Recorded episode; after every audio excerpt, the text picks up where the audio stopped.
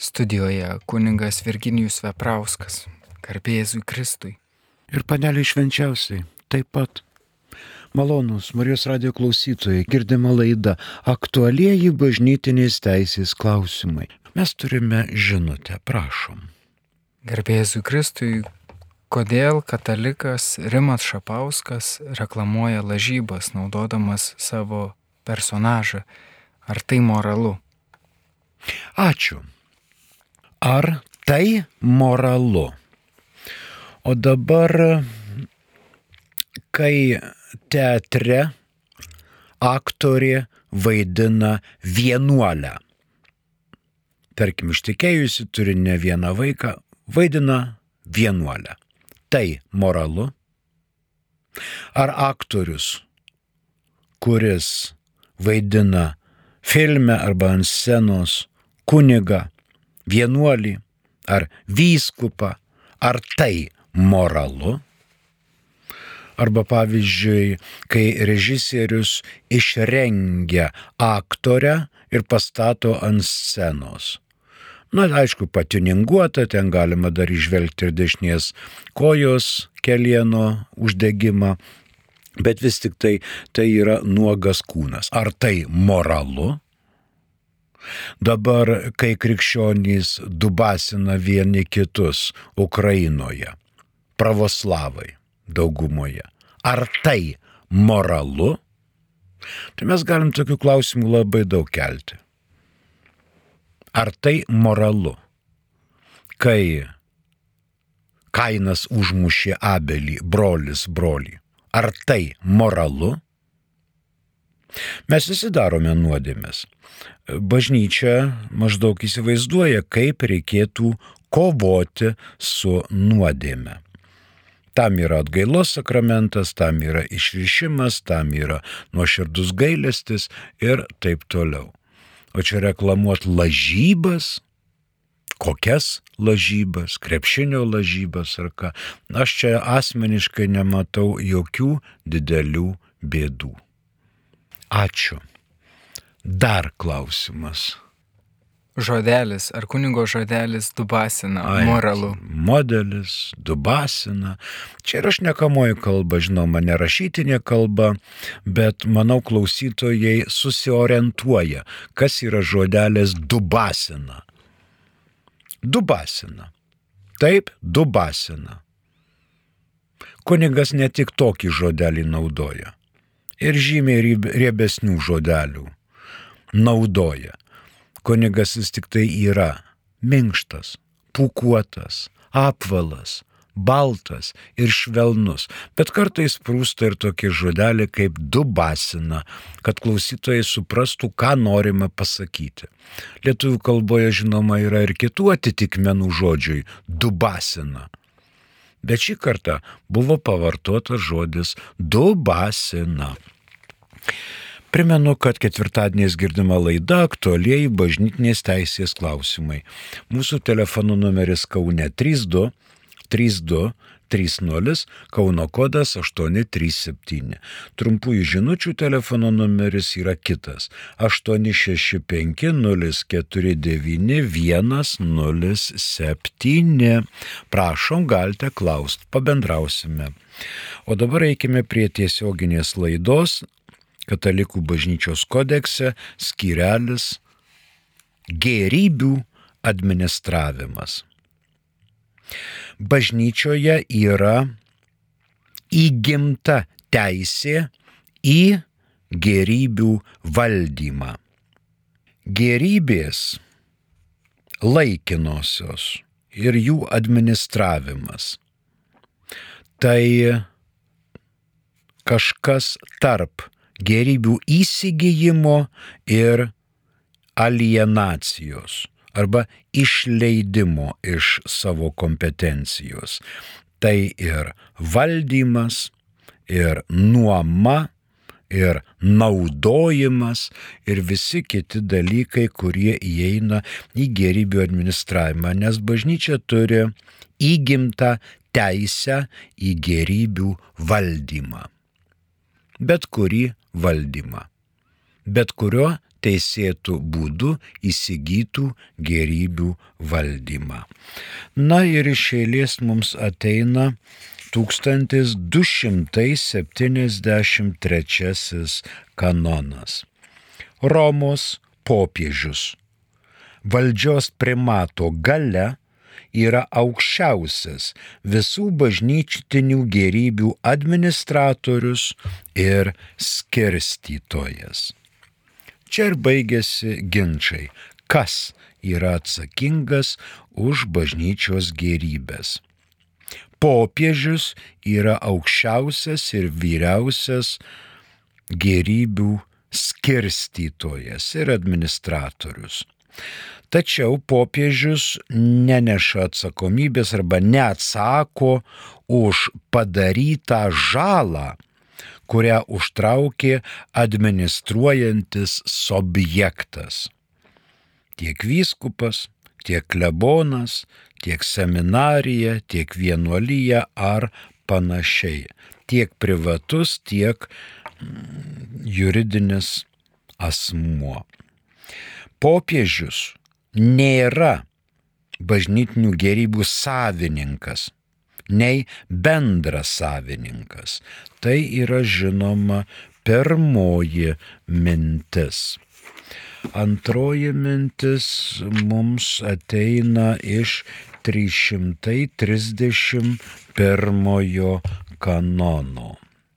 Romos, popiež, Romos bažnyčios vyskupas kuriame išlieka vien tik Petrui, pirmajam tarp apaštalų viešpaties suteiktos pareigos, perduotinos ir jo įpėdinėms yra vyskupų kolegijos galva. Kristaus vikaras ir visuotinės bažnyčios šioje žemėje ganytojas Todėl jis dėl šių pareigų bažnyčioje turi aukščiausią, pilnutinę, betarpišką ir visuotinę ordinarinę galę, kurią visuomet gali laisvai naudotis. Girdėjome praeitoje laidoje, kad čia ekumenizmo dvasioje žmonės kartais dalyvauja ne tik tai katalikų bažnyčios apieigose laikydami save katalikais, bet ir žinoma ekumenizmo dvasioje naudojasi kitų krikščioniškų bažnyčių sakramentais.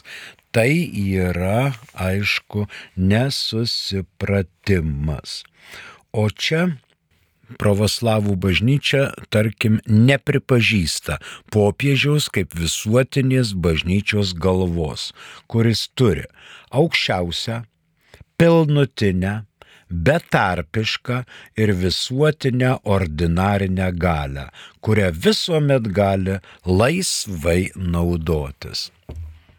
Visoje katalikų bažnyčioje. Taigi popiežius tiesiogiai, jeigu jam taip galima sakyti, tiesiogiai valdo, kas jam pavaldu, tai apaštalų sosto gerybės, Vatikano valstybės gerybės, ten geležinkelio stotis, paštas ir visi kiti dalykai. E, mums paskambino, prašom. Julija iš Žemaitijos. Taip, klausom, klausom jūsų. Norėčiau paklausti, ką reiškia, kada mirusi laido ir ant karsto pila žemės ten žmonės. Giminės turbūt pila po saujelį. Ačiū, ponė Julija. E, matot, laidotuvių apieigynas yra patvirtintas apaštalų sosto. Lietuvos viskupų konferencija padaro vertimus pati patvirtina ir persiunčia, kad būtų patvirtintas apieiginas apaštalų sostui. Ir apaštalų sostas uždeda leidimą, kad šiuo e, apieiginu galima būtų naudotis būtent Lietuvoje, lietuvių kalba arba kitur, kur vyksta apieigos lietuviškai, būtent šituo e, apieiginu. Kai karstas įleidžiamas, aišku, beriama žemė ir sakoma tokie žodžiai.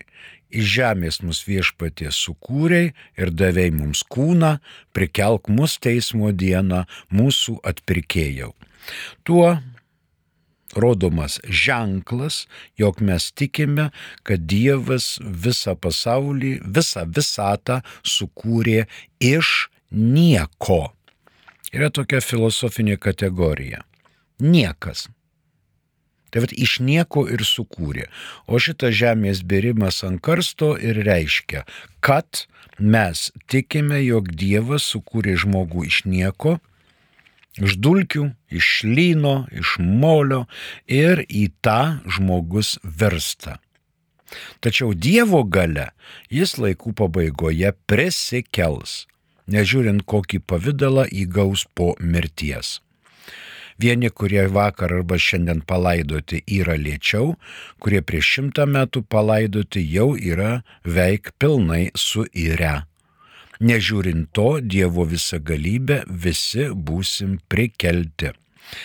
Pirmučiausiai ant karsto metą žipsnelį žemių arba smiltelę žemių kunigas, o po to artimieji. Giminės, draugai, pažįstami, Kai kurie gali užmesti gėlytę, kaip kam patogiau. Kartais, kai pliaupia lietus, ten nenori žmonės susitepti rankų, tai turi, turim rankoje gėlytę, tai vad būtent tą gėlytę ir užmetame ant karsto. Tai yra apieigų dalis. Tai Julija nėra išsigalvota, tai yra apieigų dalis. Ačiū už klausimą. Na ir dabar dar turim klausimų, prašom. Garbėzui Kristui. Kodėl sėkminės švenčiame po 50 dienų po Velykų?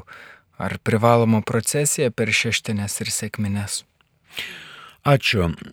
Todėl ir sėkminės, kad septinta savaitė po Velykų, maždaug 50 dieną, šešta savaitė šeštinės, septinta sėkminės. Šeštą savaitę minime Jėzaus žengimą į dangų, o septintą savaitę šventosios dvasios atsiuntimą į žemę. Privalomos procesijos ir per šeštinės, ir per sėkmines. Bet jeigu nesusirenka žmonių, arba jie nepageidauja daryti procesijos, tada procesija nedaroma. Labai paprasta. Ir Velykų procesija kartais nedaroma, kai laukia sniegas, vėjas, lietus, nėra galimybių daryti. Tada ir nedaroma. Ačiū. Dar vienas klausimas, taip, prašau. Andrus iš Kauno rašo, gerbiamas kunigė, jeigu Pijaus dešimtojo brolyje yra schizmoje, Kodėl Vilkaviškio vyskupas Rimantas Norvila leidžia jiems tuokti tikinčiosius? Ar tai nėra bažnytinės teisės pažeidimas? Dėkoju už atsakymą. Ačiū. Na, šito tai aš nežinau ir negaliu komentuoti, kodėl Vilkaviškio vyskupas Rimantas Norvila leidžia jiems tuokti tikinčiuosius. Kokius tikinčiuosius? Kur leidžia tuokti ir kam leidžia tuokti. Jeigu Jo ekscelencija Vilkaviškio vyskupas Rimantas Norvila leidžia tuokti katalikų bažnyčioje, Švento Pijos X brolyjos nariams katalikus, tai aišku, tai yra nesusipratimas. Tai yra bažnytinės teisės pažeidimas. Dar vienas dalykas, tai yra jau sakramentinis dalykas. Dabar, o jeigu Švento Pijaus dešimtojo brolijos nariai tuokia savuosius savo maldos namuose, tai prie ko čia vyskupas Rimantas Norvila? Švento Pijaus dešimto brolijos nariai neturi jokios kanoninės padėties katalikų bažnyčioje ir jie elgesi pagal savo nuostatas. Jie kartais mėgsta vadintis, kad jie yra katalikai, tačiau jie nėra katalikai, o yra katalikų bažnyčios sekta. Pavyzdžiui, pravoslavai nesivadina katalikais, jie yra pravoslavai. Tai yra atskira bažnyčia. Liuteronai taip pat liuteronai. Evangelikai taip pat evangelikai. Jehovistai taip pat ev jehovistai ir taip toliau. Aš nematau, kad čia švento Pijaus dešimtojo brolyje turėtų kažkokią tai kanoninę padėtį katalikų vyskupijoje. Nors vietos vyskupas savojoje vyskupijoje yra ordinaras. Ir jis yra įstatymų leidėjas. Galbūt dėl mums nežinomų priežasčių galėjo būti taip, kad jis leido atkazum atskirų atveju kažką tokio daryti. Bet man asmeniškai tai nėra žinoma. Ačiū iš klausimą. Primenu, kad ketvirtadieniais girdima laida aktualiai bažnytinės teisės klausimai. Mūsų telefono numeris Kaune 32 32 30 Kauno kodas 837.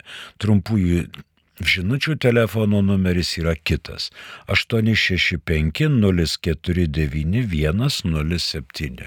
Prašom, dar turime laiko, galite klausti. Taigi, einame toliau prie 1278 kanono. Kita mintis. Popiežius tiesiogiai atsako už apaštalų sosto gerybės už, kaip minėjau, Vatikano valstybės gerybės ir Romos vyskupijos gerybės. Visa kita, kas yra už, tai atsako vyskupai arba jiems prilykstantis. Apaštaliniai administratoriai, apaštaliniai prefektai ir taip toliau. Tačiau popiežiui priklauso išleisti įstatymus dėl bažnytinių gerybių. Ir aiškinti visus kitus ne tik tai įsigijimo, bet ir alienacijos reikalus.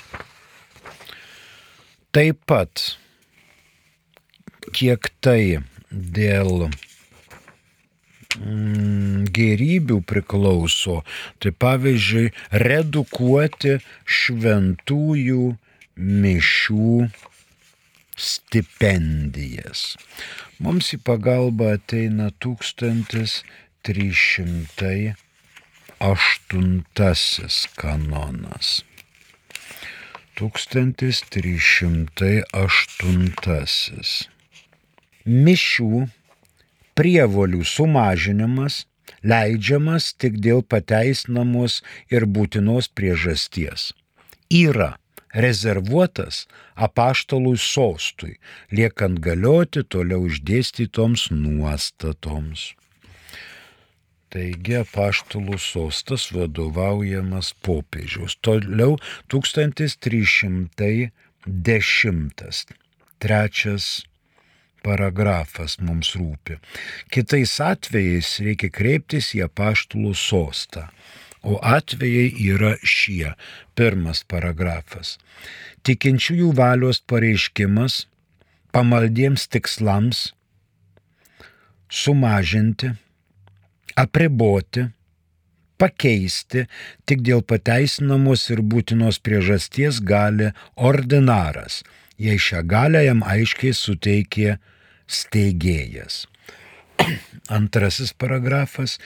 Jei neįmanoma uždėti prievolių įvykdyti dėl pajamų sumažėjimo ar kitokios priežasties, be jokios administratorių kalties, ordinaras išklausęs tų, kurie suinteresuoti ir savo ekonominių reikalų tarybos ir geriausių įmanomų būdų išlaikydamas teigėjo valią, gali atitinkamai sumažinti tas prievolės, išskyrus mišių sumažinimą, kuris tvarkomas pagal kito kanono nuostatas.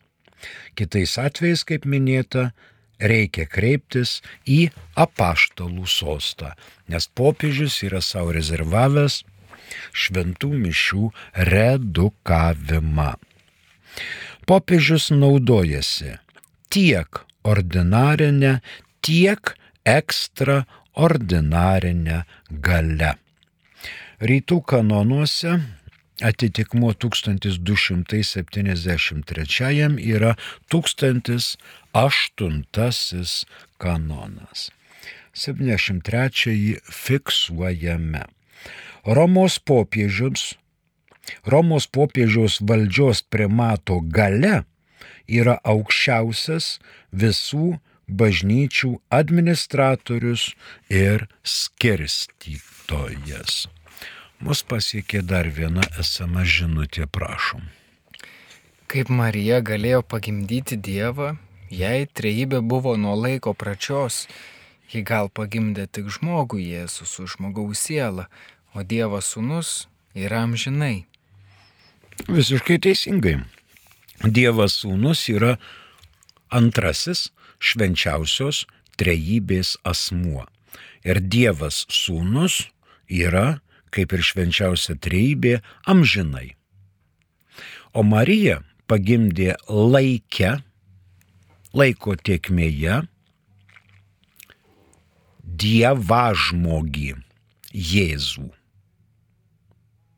su žmogaus kūnu ir su žmogaus siela. Ir tuo pačiu Dievą.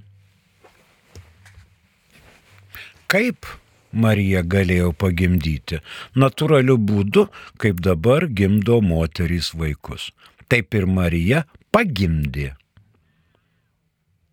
Ne stebuklingai, bet normaliu būdu gimė Jėzus. Verkiantis, šlapęs, apgliaumijęs, jį reikėjo nušluostyti, reikėjo žindyti, apkloti, mokyti vaikščioti, mokyti kalbėti, nes jis buvo ir tikras Dievas, ir tikras žmogus. Jis yra amžinai. Jėzaus Kristaus asmenyje mes randame visą dievybę.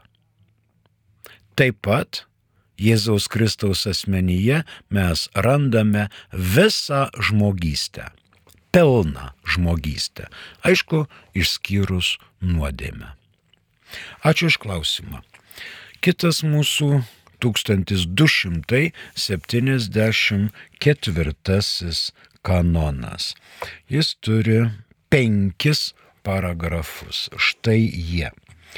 Kiekvienoje vyskupijoje turi būti speciali institucija surenkanti gerybės arba aukas, kad būtų pasirūpinta vyskupijai tarnaujančių dvasininkų išlaikymu pagal 281 kanono normą, nebent jais būtų pasirūpinta kitaip.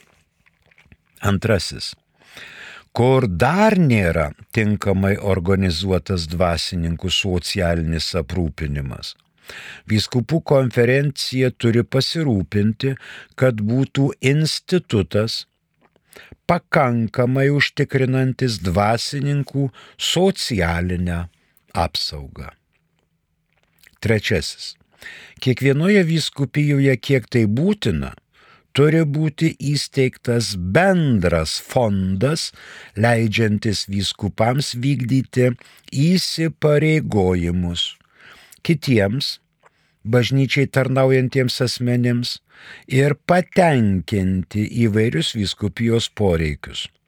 Taip pat per jį turtingesnės vyskupijos galėtų pagelbinti vargstantiesiems arba vargingesnėms, suprask vyskupijoms. Ketvirtas paragrafas.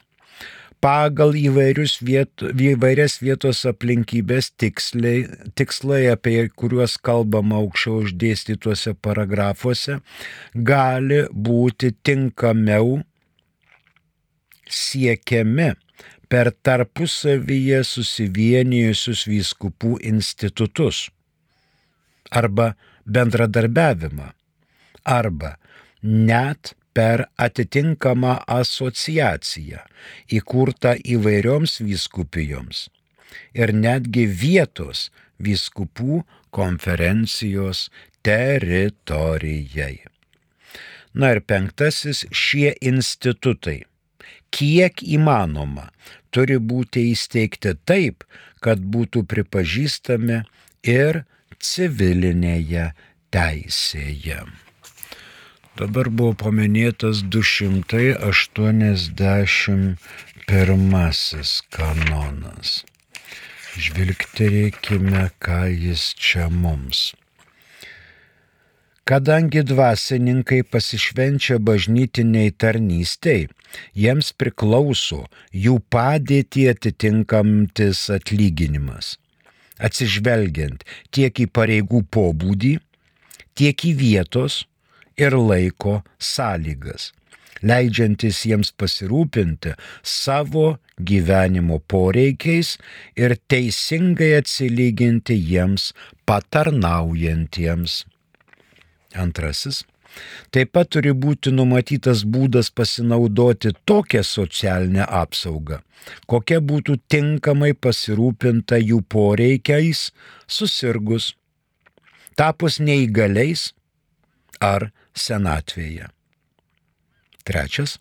Vedę diekonai visiškai pasišventę bažnytiniai tarnystai turi gauti atlyginimą, kurio pakaktų jų pačių ir šeimos išlaikymui.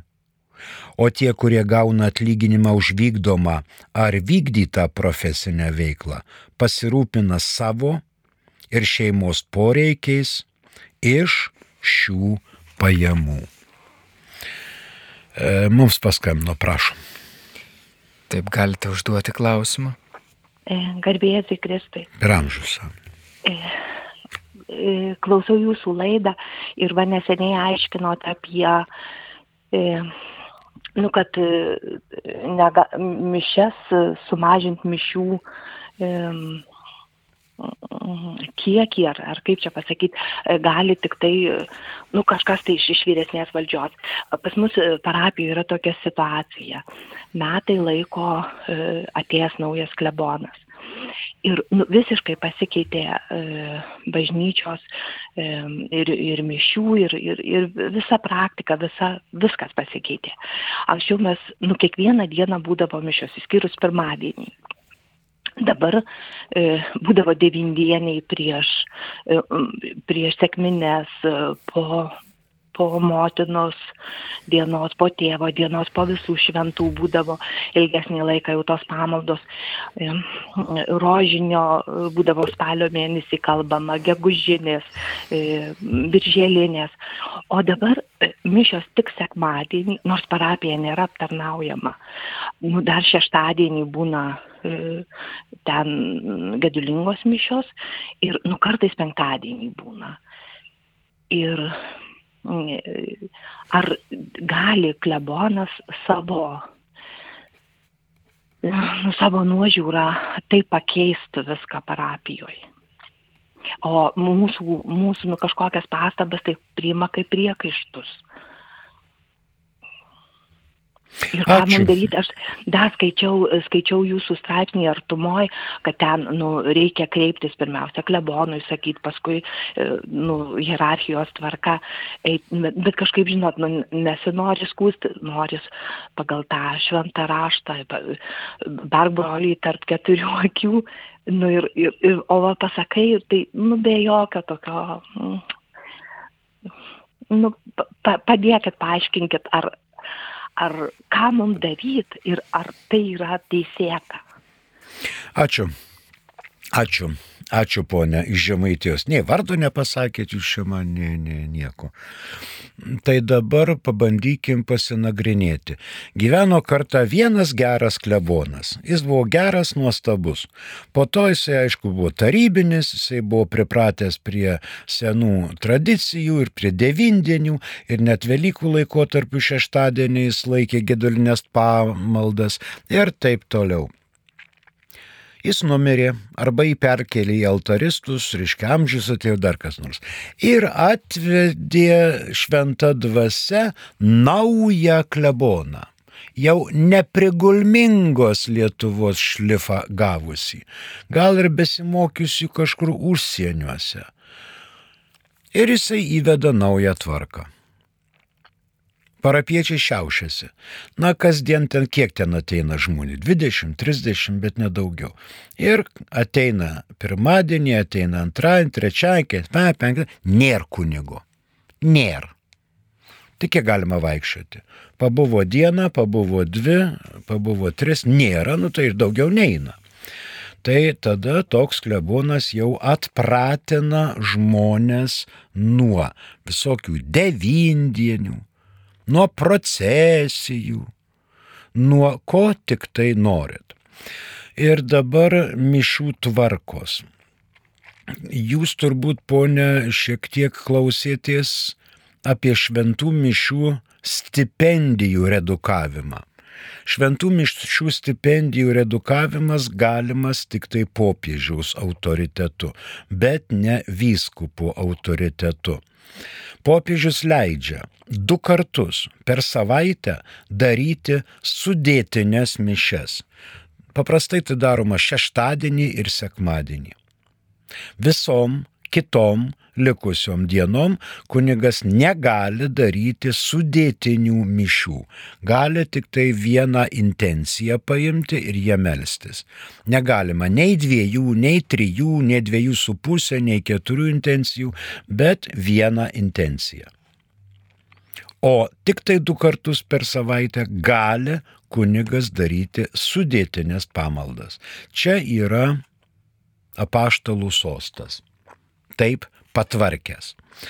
Dabar kunigas, aišku, neaptarnaujamoj parapijoje ir panašiai. Šitokius dalykus turėtų žinoti tas, kuris skiria kunigą į tokią parapiją. Kodėl skiria? Todėl, kad vyskupas skyrė jūsų parapiją patį geriausią kunigą iš visų galimų, iš visų turimų, iš visų, kuriuos jis gali pasiekti. Jeigu vyskupas galėtų skirti geresnį kunigą klebono pareigoms, jis būtų jį paskyręs. Bet dabar jo rankos surištos. Tarkim, buvo nuostabus kunigas, tačiau įsimylėjo moterį, kuri jam pagimdė keletą vaikučių. Na tai viskupas neapsikentęs, sako, žinot, prigimtinė teisė yra aukštesnė ir eikit auginti vaikučių kunigėliai. Kai užaugins iki pilnametystės, tada grįžite į tarnystę, jeigu jums bus leista. Jeigu kunigų taryba ir konsultoriai leis, pritars tokiai minčiai ir panašiai. Jeigu nebūsi prisičiūdinės, prisišnekėjęs visokių nesąmonių ir taip toliau. Taip ir čia mes kol kas su pašaukimais taip buksuojame. Tačiau kaip gerbiamas cistersų prioras, generalinis generolas pasakė, pašaukimai tai čia nėra bažnyčios reikalas. Aiškiai buvo įvardinta. Tai Dievo reikalas. Pašaukimų buvimas arba nebuvimas. Dievas teikia malonę. Mes melžiamės. Ir dabar jūs patys žinote, kad malda neveikia. Jūs galite melstis, kad klebonas pasikeistų. Spėkite iš trijų kartų, ar klebonas pasikeis. Tada reikia įjungti proto galės. Dievas davė mums galvą ne tam, kad į pilvą neprilytų, bet kad mes proto gale naudotumėmės ir priimtumėm sprendimą. Ir pasakytumėm, buvo gyva, jautri parapija, vykdė devindienius, netgi per Velykų laikotarpį gedulinės pamaldas laikė per šeštadieniais ir taip toliau. O dabar atėjo, mes jį matom tik tai gal penktadieniais, šeštadieniais, sekmadieniais. Kitom dienom jo nėra. Jis baisiai užimtas kažkur. Gal varinėja mašinas iš Vokietijos į Lietuvą, gal dar, gal dar kas nors. Ir jūs pradėkit su parapiečiais šnektelėti, kaip pataisyti situaciją. Ir reikia, kad klebonas žinotų, kad jeigu nesikeis radikaliai viskas, galima kreiptis aukščiau į aukštesnės instancijas. Ar gali būti? Tai va toksai būtų patarimas. Mes negalim nagrinėti dabar nei kokia tai parapija Žemaitijoje. Ar tai plungė, ar tai telšiai, ar tauragė, ar klaipė, ar mažaikė, čia mes neanalizuosim. Bet reiškia, jau yra žmonių širdyse nuoskauda. Nuoskauda ir reikėtų šitas nuoskaudas kokiu tai būdu išspręsti. Ačiū ponia už klausimą. Dabar mums dar atėjo viena žinutė esamas. Prašom.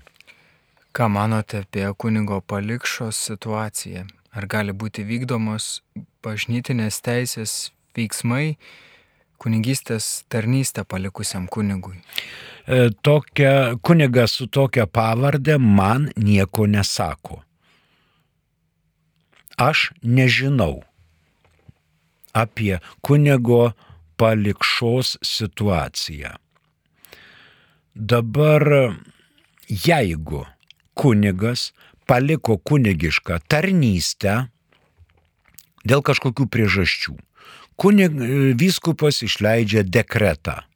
Paprastai yra dekretas adivinis kad kunigas atleidžiamas nuo visų dieviškos teisės privilegijų ir jis negali nei laiminti, nei mišių laikyti, nei sakramentų teikti, nei šventos komunijos dalinti, nei būti ekstraordinariniu šventos komunijos dalintoju, nei tikybos mokytoju, nei skaitovų bažnyčioje, niekuo jis būti negali ir jo vykdomos bažnytinės teisės veiksmai, tarnystės taip vadinamos, yra niekinės. Jeigu jis palieka tarnystę su vyskupo dekretu. Jeigu jis tik tai taip palieka tarnystę, pavyzdžiui, susviravo tikėjimas, jis nori palisėti, tai dar čia nieko. Susirgo, nervų lyga, psichinė lyga, dar kas nors, vėl tai čia nieko. Bet jeigu vyskupas pamato, kad toks kunigas negali eiti pareigų, tada išleidžia dekretą. Ačiū iš klausimus, mūsų laikas išseko, prie mikrofono dirbo kunigas Virginijus Veprauskas, ačiū ir sudė.